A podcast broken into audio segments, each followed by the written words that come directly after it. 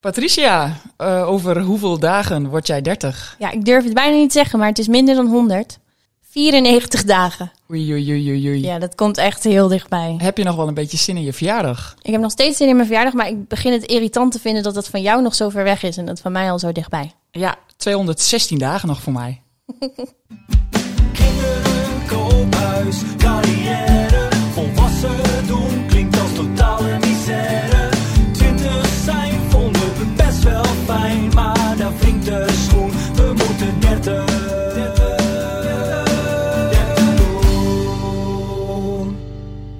Ja, welkom bij een nieuwe aflevering van onze podcast 30 doen.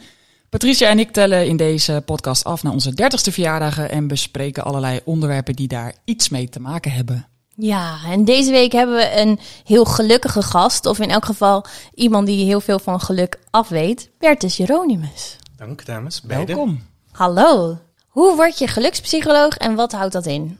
Ik ben gepromoveerd bij de psychiatrie en ik hield mij bezig met hoe verschillen in persoonlijkheid mentale stoornissen voorspellen. En na een tijdje ging ik denken van, hé, hey, ik hou me nu heel erg bezig met alle negatieve dingen in het leven.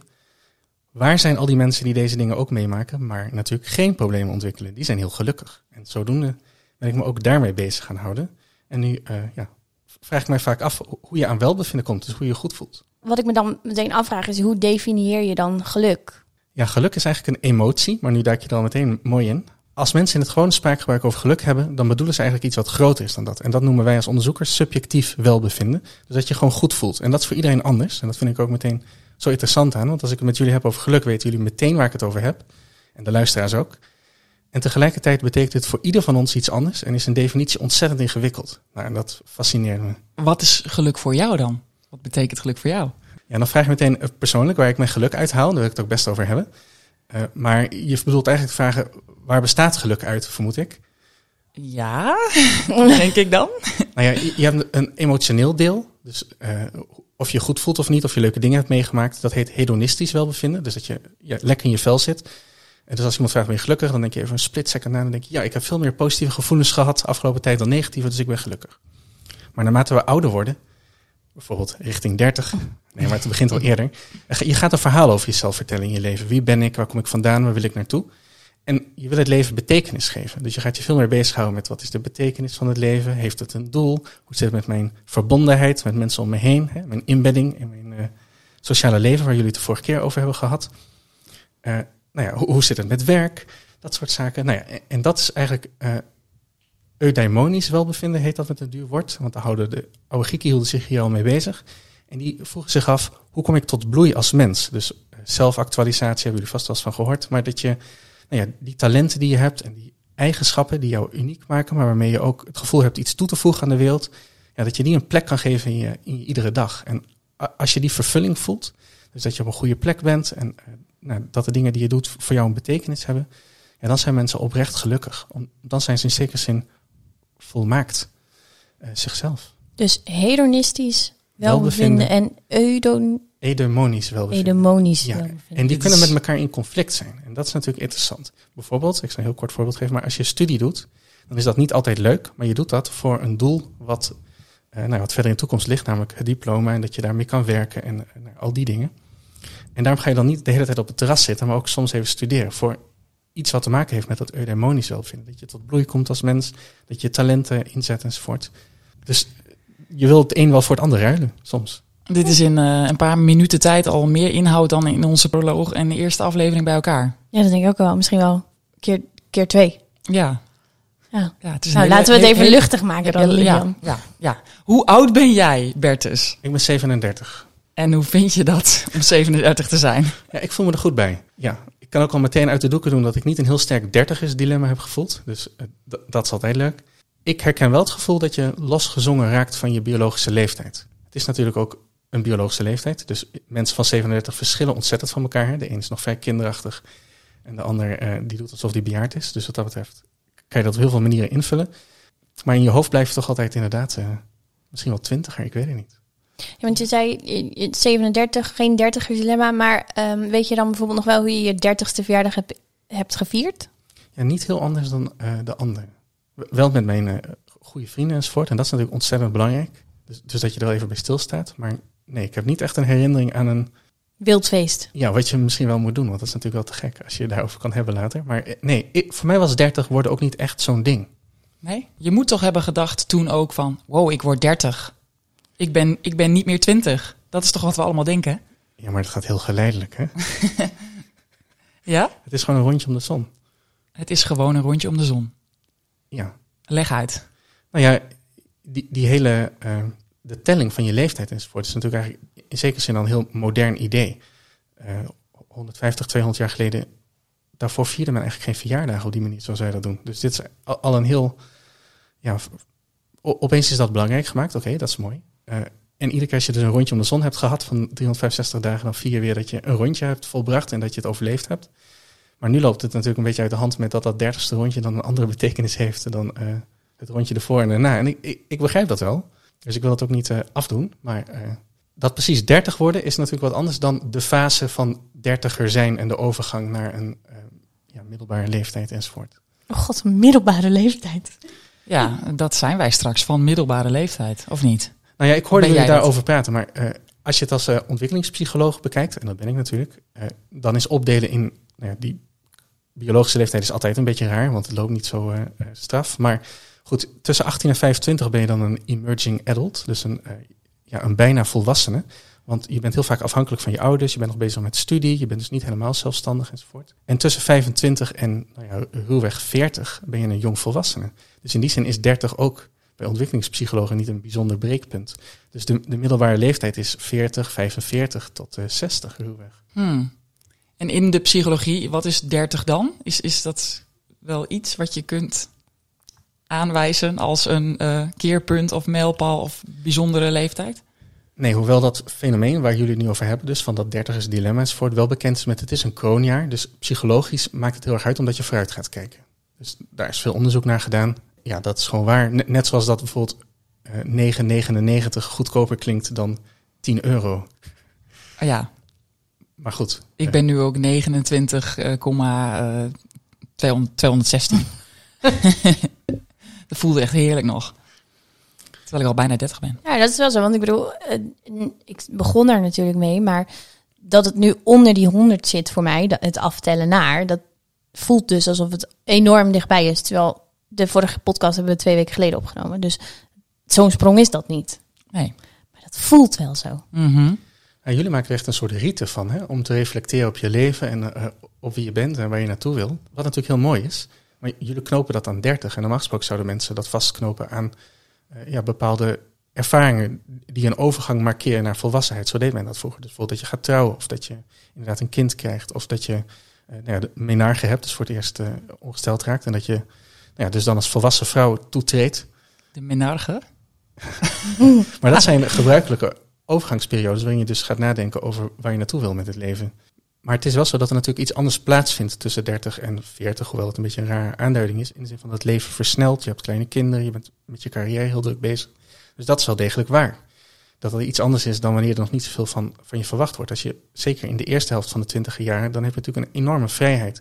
De zin van als je dronken over straat gaat, vindt niemand dat raar. Als halverwege dertiger dronken over straat gaat, vinden mensen een beetje zielig.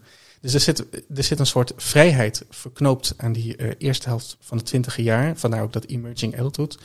Ja, waarin je veel meer kan veroorloven. Mensen veel minder verwachtingen van je hebben. Het vaak weggelachen wordt van, nou ja, je bent nog jong, je doet gekke dingen. En, en die omgevingsdruk wordt wel veel hoger in deze periode.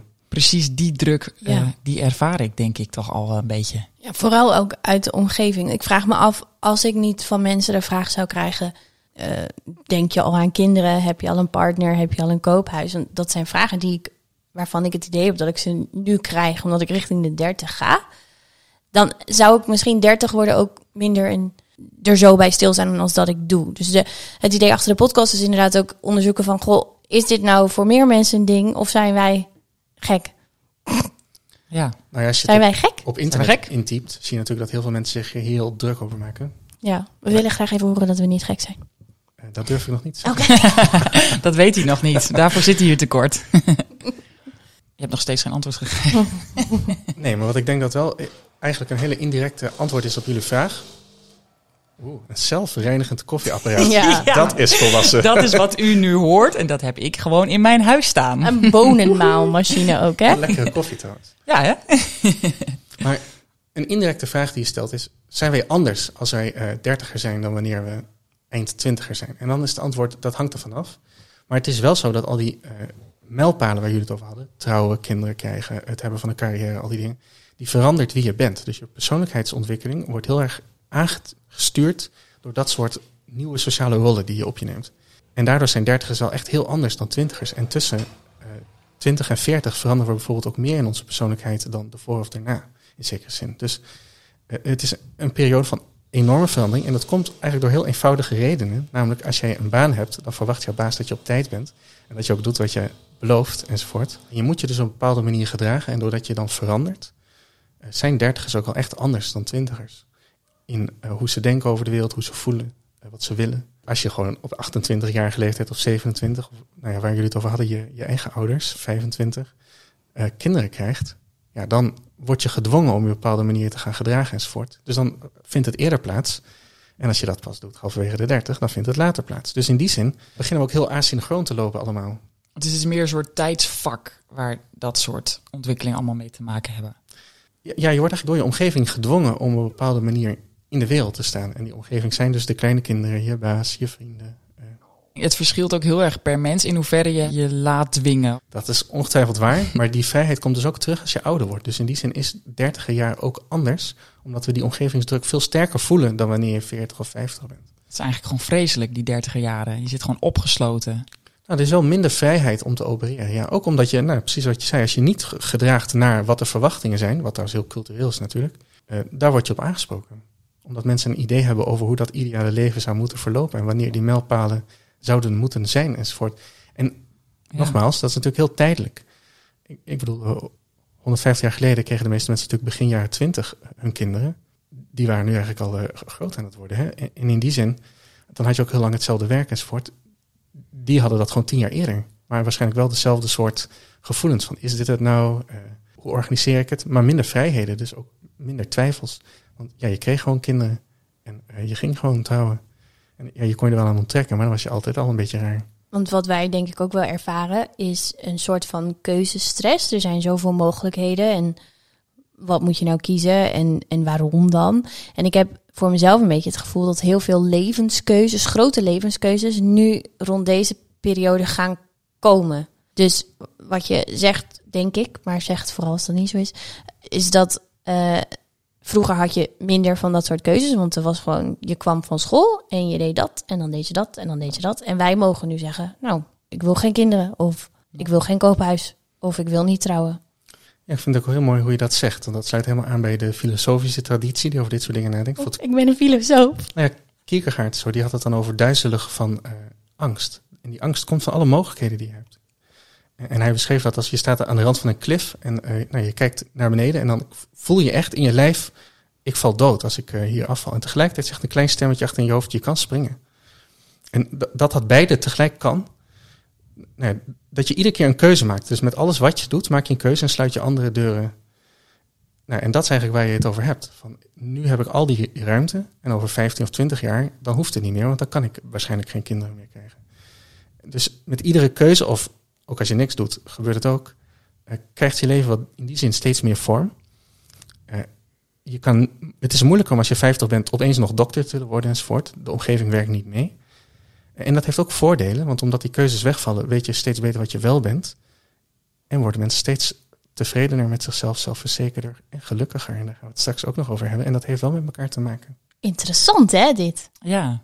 ja, die cliff, dat vind ik ook eh, interessant. Want je, je staat aan een cliff en je, je weet als ik val ben ik dood. Maar je hebt ook een stemmetje, ik kan springen.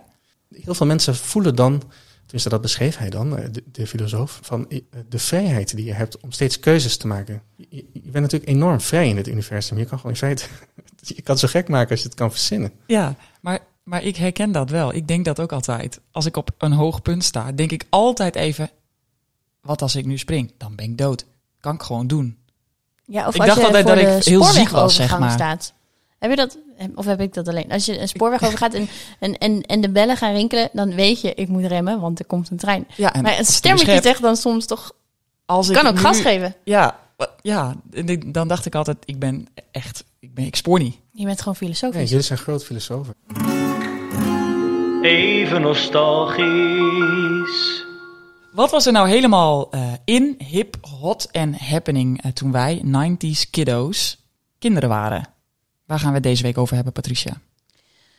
Nou, vorige week hadden we het over muziek. En ehm, toen noemde ik al even kort dat ik dan eh, muzie- mijn cd's luisterde op mijn Discman. Dus ik dacht, laten we het deze week hebben over gadgets. Gadgets. Ja, want wij zijn natuurlijk geboren in een, in een periode, de jaren negentig, waarin een heleboel digitale ontwikkelingen opeens in een stroomversnelling kwamen. Eh, toen onze ouders jong waren, eh, schreven ze denk ik brieven. Ja, mijn ouders niet, maar mensen schreven toen nog brieven. Toen werden wij geboren en opeens kwamen er, kwamen er computers en het internet en mobiele telefoons en Discmans, CD's, Walkmans. Ik heb het allemaal nog meegemaakt. Ja. Maar wat, wat had jij dan voor gadgets? Ehm, ik speelde dus heel graag Mario op de Nintendo. En ik was daar super goed in, al zeg ik het zelf. En ik weet nog dat mijn broertje dan altijd naast mij zat. En hij moest dan Luigi zijn en ik was Mario. En als ik dood ging, dan gaf ik hem altijd de schuld. Want dan had hij geluid gemaakt. Ook als die muis stil was. Best wel zielig. Ja, ik, ik weet dit soort dingen niet, want ik, eh, ik mocht dat nooit, een Nintendo. Je had geen vorm van spelcomputer. Eh, nee, op den duur hadden we een Wii, want die kocht mijn broer. Eh, maar toen was ik ook alweer ietsje, ietsje ouder. Ik had wel heel veel aansluiting met jullie Discman. Ja? Ja, want ik weet nog heel goed dat ik dan lang gespaard had. En dan een Discman kocht die niet oversloeg. Oh ja. Dat was echt een vondst. Want dan kon je gewoon ermee fietsen zonder dat je cd oversloeg. Want dat deden de eerste Discmans. Ja, als je over een drempel ging, dan... eh, Oh, ik weet nog heel goed van die tijd de eh, Tamagotchi. Dat was zo'n klein eh eivormpje met, met zo'n hangertje eraan, een sleutelhangertje. Met een diertje erin en die moest je verzorgen. En die ging eigenlijk altijd vet snel dood. Mijn zusje, die is twee jaar jonger, die had er ook een. En die was er echt heel goed mee. Die leeft nog steeds. Als dat ding meeging, dan leefde die nog steeds. Oké. Had jij ook een Tamagotchi? ja, zeker, ja. Ja, daar was ik ook een groot fan van. Maar jij hebt toch ook nog een Walkman gehad, of niet? Eh, dat Met is met cassettebandjes. cassettebandjes, hè? Ehm, ja. Volgens mij wel, maar ik denk dat ik die dan van mijn broer of zus kreeg. Want die zijn echt een stuk ouder en dan mocht ik daar gewoon mee spelen. En dan, dan deed ik daar altijd cassettebandjes in met sprookjes. Dan luisterde ik sprookjes. Dus dat was niet echt helemaal van mijn tijd, maar ik speelde er gewoon mee. Ja, precies. Niet, dat is niet per se iets van, van, van de 90s, denk ik. Nee, dat is misschien eind 80s. Weet je wat mij ook nog heel erg opvalt uit de jaren negentig? Dat je dan met vrienden of met je ouders zelfs nog naar de videotheek ging. Om een film Ja. te gaan huren om die die avond te gaan kijken. Hoe fantastisch was dat? Ja. Ja, de videotheek en later de, de... Ja, dat heette ook nog de videotheek, maar dan huurde je een dvd in plaats van een videoband. Wij mochten dan altijd... Dan had je van die van family deals. Dan kon je meerdere, twee voor de prijs van één. En dan mocht mijn broertje één en dan mocht ik één. Maar wij hebben ook nog heel erg die overgangen meegemaakt van dus Discman naar eh, Walkman. En dan van Walkman naar MP3-speler, denk ik. En had je, Ja, andersom Walkman, Discman. nou ja, Walkman, Discman, MP3-speler. En Ja. dat waren nog van die redelijke goedkope apparaatjes. En op een gegeven moment kreeg je de iPods al Ja. van Apple. En die waren echt super cool. Met zo'n draaischijf. Mhm. Ja, en dan had je op een gegeven moment van die minis, hele kleintjes. Die hadden niet die draaischijf. Ja. En later de iPod, die leek op de iPhone, maar waar je alleen muziek mee kon spelen. Ja, en toen En kreeg je gewoon de iPhone waar je gewoon lekker eh, Alles appjes kunt kan. downloaden en alles kunt Ja. doen. Ja. Daar zijn we nu. Het is ook wel een hele bijzondere periode eigenlijk. En niet eens zozeer, zeg maar, dat het onze jeugd is, maar die periode zelf. Met dat je dat internet krijgt enzovoort. De generatie die echt tien jaar na jullie komt, is dan nooit verdwaald geweest. Het heeft altijd Google Maps gehad. Nee, want wij zijn dus echt de generatie die net geboren is voor die hele digi- digitale stroomversnelling. Want ik weet ook nog dat wij thuis een computer kregen. Ja, en dat geluid wat het dan maakt als je met internet moest verbinden. Nee. Nee, de piep, piep, piep. Dit is echt prachtig, maar misschien kun je het geluidje opzoeken. Ja, dat ga ik doen. En ook al die computers. Was best een goede. Ja, dat is ook mijn jeugdherinnering, Ja. ja. zeker. Ja, kun jij dat geluid dan ook nog eens... En niet na- zo goed als dit, maar Ehm eh, computerspellen. Ehm, Sims. Heb Yep. je dat gedaan? Jazeker. Maar wel met die, met die hack. Dat je gewoon meteen heel rijk was. Of dat eh, je poppetjes meteen verliefd werden en zes kinderen kregen. Het moest gewoon allemaal een beetje snel. Valt een Furby hier ook onder of is dat speelgoed? Want dat is ook wel een beetje elektronisch. Ik vind dat speelgoed. Ken jij een Furby? Ja, mijn zusje had een Furby. Hoe oud is je zusje? Eh, nou, ze is nu eh, 35. Ja, die had ik ook niet hoor. Dat soort dingen had ik gewoon Waar niet. speelde jij dan mee toen jij klein was? Nou, ik speelde dus ook echt gewoon heel veel buiten. ja. Eh, politie en boefje.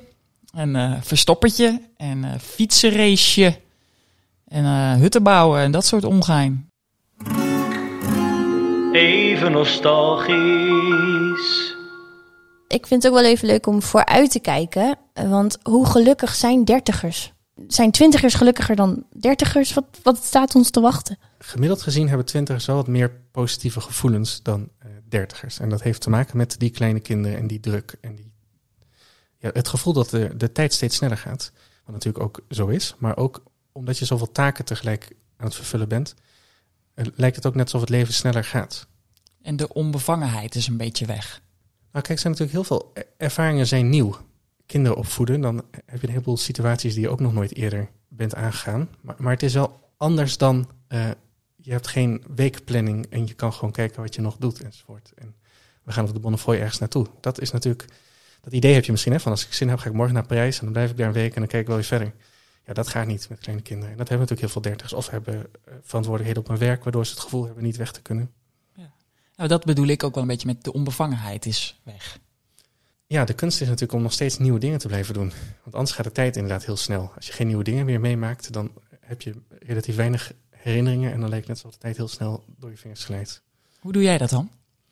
Je moet proberen steeds ja, nieuwsgierig te blijven. En inderdaad dingen te doen die je nooit eerder hebt gedaan. Zoals? Je wilt voor mij persoonlijk. Ja, Goeie vraag. dit. Ja, Eh, nou, ja, ik zoek het vaak in eh, etensdingen en zulke soort zaken. Als ik iets hoor wat ik niet ken, dat ik dat bestel. En ik probeer iedere dag nieuwe dingen te leren. Dat ook wel bewust. heb je vandaag ook iets nieuws geleerd? Eh, ja, ik heb vandaag ook nieuwe dingen geleerd, maar dan moet je vragen natuurlijk wat. Ja, ik heb vandaag heel veel dingen geleerd over de coronapandemie, maar daar word je niet per se heel blij van. nee, we gaan door. Nou ja, en ik heb nog ontzettend veel essays gelezen van studenten waar ook vaak nieuwe dingen in stonden. Oké. Een leven lang leren. Maar een manier om die nieuwe dingen op te zoeken is natuurlijk ook om even buiten de, gebaan, de gebaande paden te gaan soms. En wat twintigers vaak doen is dat ze naar feestjes gaan waar ze niemand kennen of één iemand. Dat je met iemand meegaat ergens naartoe en dan denk je, nou ik zie al die mensen wel en dan vind ik het wel uit.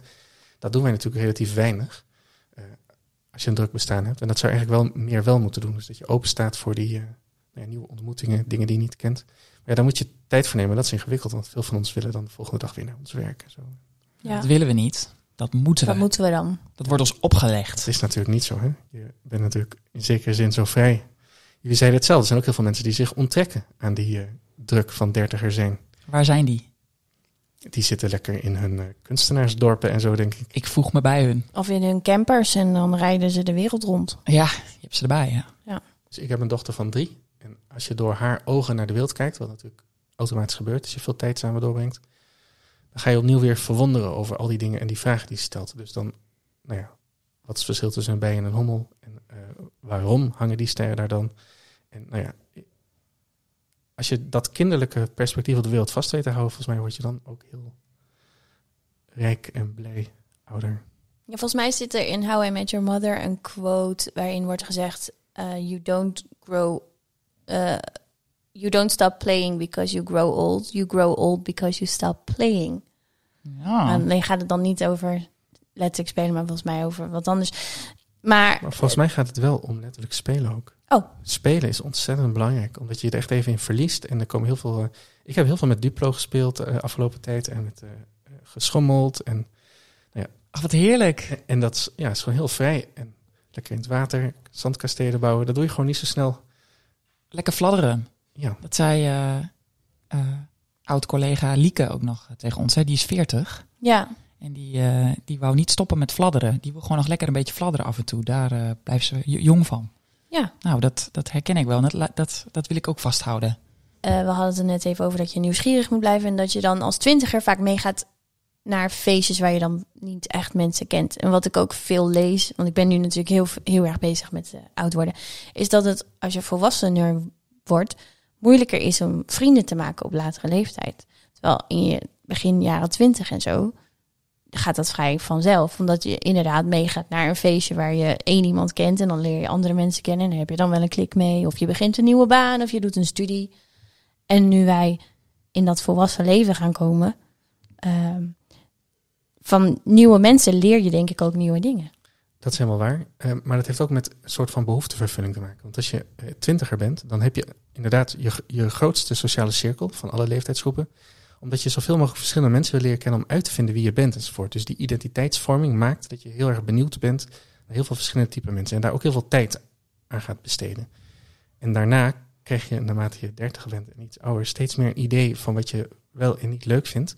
Waardoor je een veel kleinere sociale cirkel krijgt, omdat je ook veel meer tijd aan andere dingen gaat besteden. Maar met die mensen wel een soort van verdiepende relatie aangaat. Vaker ken je ze ook al wat langer. En wat je zegt van eh, je maakt niet zoveel nieuwe vrienden meer. Nee, dat komt omdat je stabieler wordt in de vrienden die je hebt.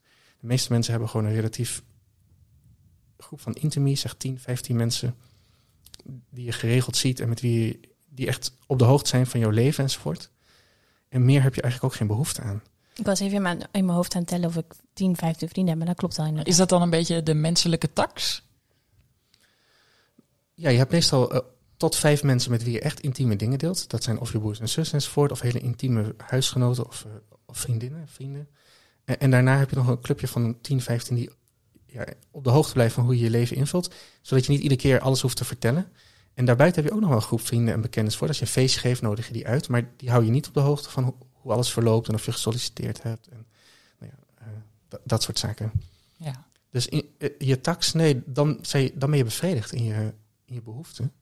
En dan ga je die tijd anders invullen.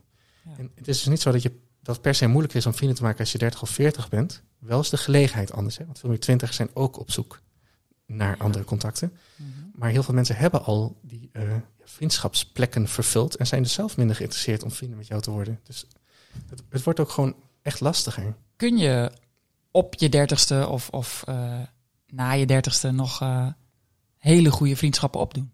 Zeker, dat gebeurt ook wel. Maar het punt met echt goede vriendschap is, is dat er heel snel een soort van verdieping plaats moet vinden. En daarvoor moet je heel veel tijd samen doorbrengen. Echt een paar honderd uur zeker. Voordat je echt dat gevoel hebt. En als je jong bent, neem je die tijd veel makkelijker.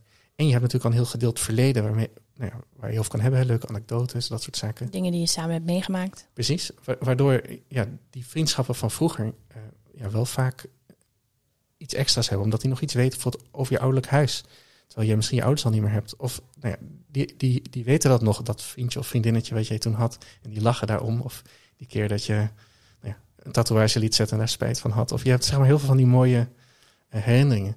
En dat kan natuurlijk wel op latere leeftijd. Maar dan ja, moet je al met iemand die tijd door gaan brengen. Kijk, wat je vaak ziet is dat de mensen van middelbare leeftijd, maar ook iets jonger, die komen wel een avond eten, maar die blijven niet. eh, nou ja, als je student bent, dan kom je om eh, zes, zeven uur aan en dan om vijf uur ga je weer naar huis. Dat gebeurt natuurlijk veel minder. Want om zeven uur staan die kleintjes er weer. Oh god, ja. ja. Ja, die van jou. Ja, wij hebben ze nog van ons niet. nog niet. Waar ik wel benieuwd naar ben. Moeten we onze piek nog hebben of hebben we die al gehad? De gelukspiek. De gelukspiek. Ja, als je het mensen vraagt, dan zeggen ze vaak eh, inderdaad twintiger jaar, tussen 18 en, eh, en 25. En dat komt omdat mensen hebben daar de meest levendige herinneringen aan. Dat is zoals je 35 bent, maar dat is ook zoals je 75 bent. Omdat dan heel veel dingen nieuw zijn en je ze voor het eerst meemaakt op een hele indringende manier. Daarnaast een herhaling, die beklijven minder goed. Dus de meeste herinneringen die voeren ons terug naar die paar jaar. Maar als je het mensen ieder moment zou vragen, dus niet denk eens na over wanneer je het gelukkigst was in je leven, maar hoe gelukkig ben je nu? Dan zie je dat eh, effect niet. En dan word je inderdaad gelukkiger naarmate je ouder wordt. En we hebben het er even over gehad. Je hebt dat verschil tussen dat meer emotionele welbevinden en eh, dat meer psychologische, eudaimonische welbevinden. Nou ja, in, als dertiger heb je wel een beetje een soort van klein dal in je emotionele welbevinden. Vaak heeft dat te maken met kleine kinderen en druk. Eh, zowel druk in de zin van veel dingen te doen en dat je van alles moet doen van jezelf enzovoort. Maar dat eudaimonisch welbevinden, dat blijft gewoon eh, toenemen. En ook dat eh, gevoelsgeluk komt ook terug. En wat dat betreft wordt het alleen maar beter met ieder jaar dat je ouder wordt. Misschien met enige uitzondering dat laatste één of twee jaar van het leven dat echt nou, dat je met heel veel klachten worstelt enzovoort. Maar de zestigers, de boomers en zo, die zijn echt wel veel gelukkiger dan eh, de jonge mensen gemiddeld gezien. Want onze vrienden hadden het in de vorige aflevering, die zijn dus de 30 al gepasseerd. En die hebben nu een beetje het gevoel dat ze nou ja, zichzelf beter leren kennen en zichzelf meer accepteren. Is dat dan hedonistisch welbevinden of eh, nee. Het eudaimonis, ja. ja dat, ze weten heel goed wie ze zijn en wat ze willen, met wie je wel tijd door wil brengen, wat voor hobby's en passies je hebt. Eh, ja, en naarmate je ouder wordt, wordt dat natuurlijk, weet je dat steeds beter. En je krijgt ook de middelen om je omgeving naar je hand te zetten. Dus je hebt een baan die je heel leuk vindt, maar bijvoorbeeld ook het huis wat je vindt dat je bij je past. Of eh, het geld om zoveel te werken als je misschien zou willen enzovoort. Dus het wordt natuurlijk ook allemaal steeds makkelijker. Maar ja, dat wordt allemaal beter. Ja, ja want eh, wat zijn de eh, leuke dingen van 30 worden? Nou, ik vind dat je, eh, dat je echt iets aan het toevoegen bent in je omgeving, vind ik zelf wel heel mooi. Eh, als student he- heb je dat minder. Je bent echt een beetje nog aan het consumeren. En eh, misschien heel veel mensen zitten, zijn echt nog nou, bezig met een plek te vinden. Hè? Die wonen nog thuis of weet ik wat. Op den duur heb je gewoon, kan je je leven vormgeven zoals je wil. Dat vind ik zelf heel mooi. Ja, ik vind ook dat je ingebed bent in die verantwoordelijkheden enzovoort ook een zekere schoonheid hebben. Dus echt die kinderen toch. En eh, het werk enzovoort. En, en dat je het gevoel hebt dat je jezelf daarin kwijt kan. Ja, dat is toch echt wel heel fijn. En dat je, ja, dat je echt je talent aan het benutten bent. Vaak weet je dat beter en krijg je er ook meer ruimte voor als je wat ouder wordt. Maar goed, dit kan dus ook met 25. Hè. Je hebt natuurlijk heel veel mensen die veel eerder nou op bepaalde terreinen van het leven eh, dingen vorm te geven. Maar ik geloof er dan ook altijd nog wel weer in, maar misschien is dat dus helemaal niet waar. eh, dat je als je heel vroeg volwassen bent of zo, of, of doet, eh, of wordt gedwongen door je werk of iets, of, of omdat je kinderen krijgt, dat je het ergens in je leven nog weer een soort van moet inhalen. Dat je niet heel jong bent geweest, of niet heel wild bent geweest. Ik denk dat voor je identiteitsvorming voor het heel belangrijk is dat er een periode is van chaos en experiment. Ja, en eh, dat zou ik ook iedereen aanraden. Oké. Ja, je moet natuurlijk experimenteren met wie ben ik, hoe wil ik gezien worden, eh, wat vind ik belangrijk, hoe ga ik mijn tijd verdelen en mijn aandacht. Ja, dat moet je uitvinden in contact met anderen. Je- ja, je hebt die andere mensen eigenlijk nodig om uit te vinden wie je bent. De dit moet je doen voor je dertigste challenge. De dit moet je doen voor je dertigste challenge. Over levenslessen gesproken. Ja. Want eh Lidian, jij moest van mij nou best wel iets moeilijks doen, hè? Eh, ja. Ja. Vertel. Ja, ik moest eh, van vrijdagavond 10 uur tot zondagavond 8 uur zonder social media. Eh, ik mocht alleen wel WhatsAppen, want mensen moesten niet denken dat ik dood eh, was. Ja. Eh, en ik, ja, ik, ik zit best wel veel op social media, ook voor mijn werk, maar ook wel privé. Ik vind het ook echt leuk. Voor mijn gevoel eh, voegt dat iets toe, maar eh, heel veel mensen hebben daar een andere mening over. Maar eh, ik heb alle social apps van de telefoon gegooid en ik heb die dagen zonder social media doorgebracht. En je leeft nog. En ik ben er nog! Ja, maar ehm, ja, wat vond ik ervan? Ik, ik vond het deels wel, bracht het me wel bepaalde rust. Maar ik vond het ook wel vooral gewoon heel saai. Want ik had dat weekend een paar momenten dat ik echt heel graag even lekker ontspannen eh, met die telefoon in mijn handen had willen zitten. Een beetje socials checken. Ik eh, was met vriendinnen naar Leeuwarden geweest. Daar eh, nog even de kroeg in geweest. Toen gingen we met de laatste trein terug. Nou, ik had al de hele dag met Lisanne was dat lopen kletsen. Dus we waren toen echt wel uitgepraat. Dus nog 40 minuten in de trein. Ja, daar zat ik een beetje voor me uit te staren. En de Sorry. volgende dag was ik brak. Nou, niks lekkerder om dan even in je, in je bedje wakker te worden. eh, Telefoon pakken en een beetje, een beetje scrollen. Een beetje swipen. Nou, dat kon allemaal niet. Je hoort het wel. Je hoort het wel, hè? Ja, Ik, ik ga het nog veel erger maken. Oh god. Ik hou me daar eigenlijk totaal niet mee bezig. WhatsApp dus wel. Ja, ik hou me er dus wel... Beroepsmatig vind ik het interessant. ja. Maar ik eh, besteed nul tijd. Ik heb niet eens een Facebook of een Instagram of een... ook nooit gehad? Nee. Wel lekker rustig. Ja, misschien. En ook een soort van saai. Toch? Ja, want ik, ja, ik heb gewoon wel heel veel contacten ook via social media. En dat vind ik heel vaak heel leuk. Oh, de ex-vriendjes opzoeken via Instagram. Ja, daar zijn mensen die dat doen. Ja. Hoe ging het bij jou? Ja, ik moest als challenge moest ik eh, in mijn eentje eten bij een restaurant. Ehm, en dat mocht voor de lunch. Dus ik heb dat ook maar gedaan voor de lunch. Want dat kwam beter uit. Dus ik heb bij Wada Partja geluncht, zaterdagmiddag. Ehm en eh, ik vond het eigenlijk ik, vond, ik dacht eerst, nou, dit is toch helemaal niet spannend. Maar toen ging ik daar zitten en toen vond ik het toch wel spannend. Want ik, had, ik heb uit solidariteit met jou een dag meegedaan met de social media ban. Dus ik, had, ik kon ook niet op mijn telefoon en dat mocht ook niet van jullie. Ik mocht niet de hele zitten, zitten Instagrammen. Ehm, dus ik voelde me in eerste instantie heel schuldig dat ik daar in mijn eentje zat aan een tafel voor twee personen. Want het was heel druk en het was zonnig en heel veel mensen wilden daar zitten. En ik dacht, oh god, nou verliezen ze dus omzet. Hè? Want ik hou in mijn eentje zo'n stoeltje en zo'n tafeltje bezet. Dus toen heb ik twee drankjes besteld. Ehm, en uiteindelijk vond ik het heel grappig, want aan de ene kant naast mij links zat een stel, die had een eerste date volgens mij. En aan de andere kant rechts was ook een stel, maar die vrouw was haar haar man echt carrièreadvies aan het geven. En zeggen dat hij van alles fout aan het doen was en hoe hij dat aan moest pakken. En elke keer als hij een beetje zoiets zei van...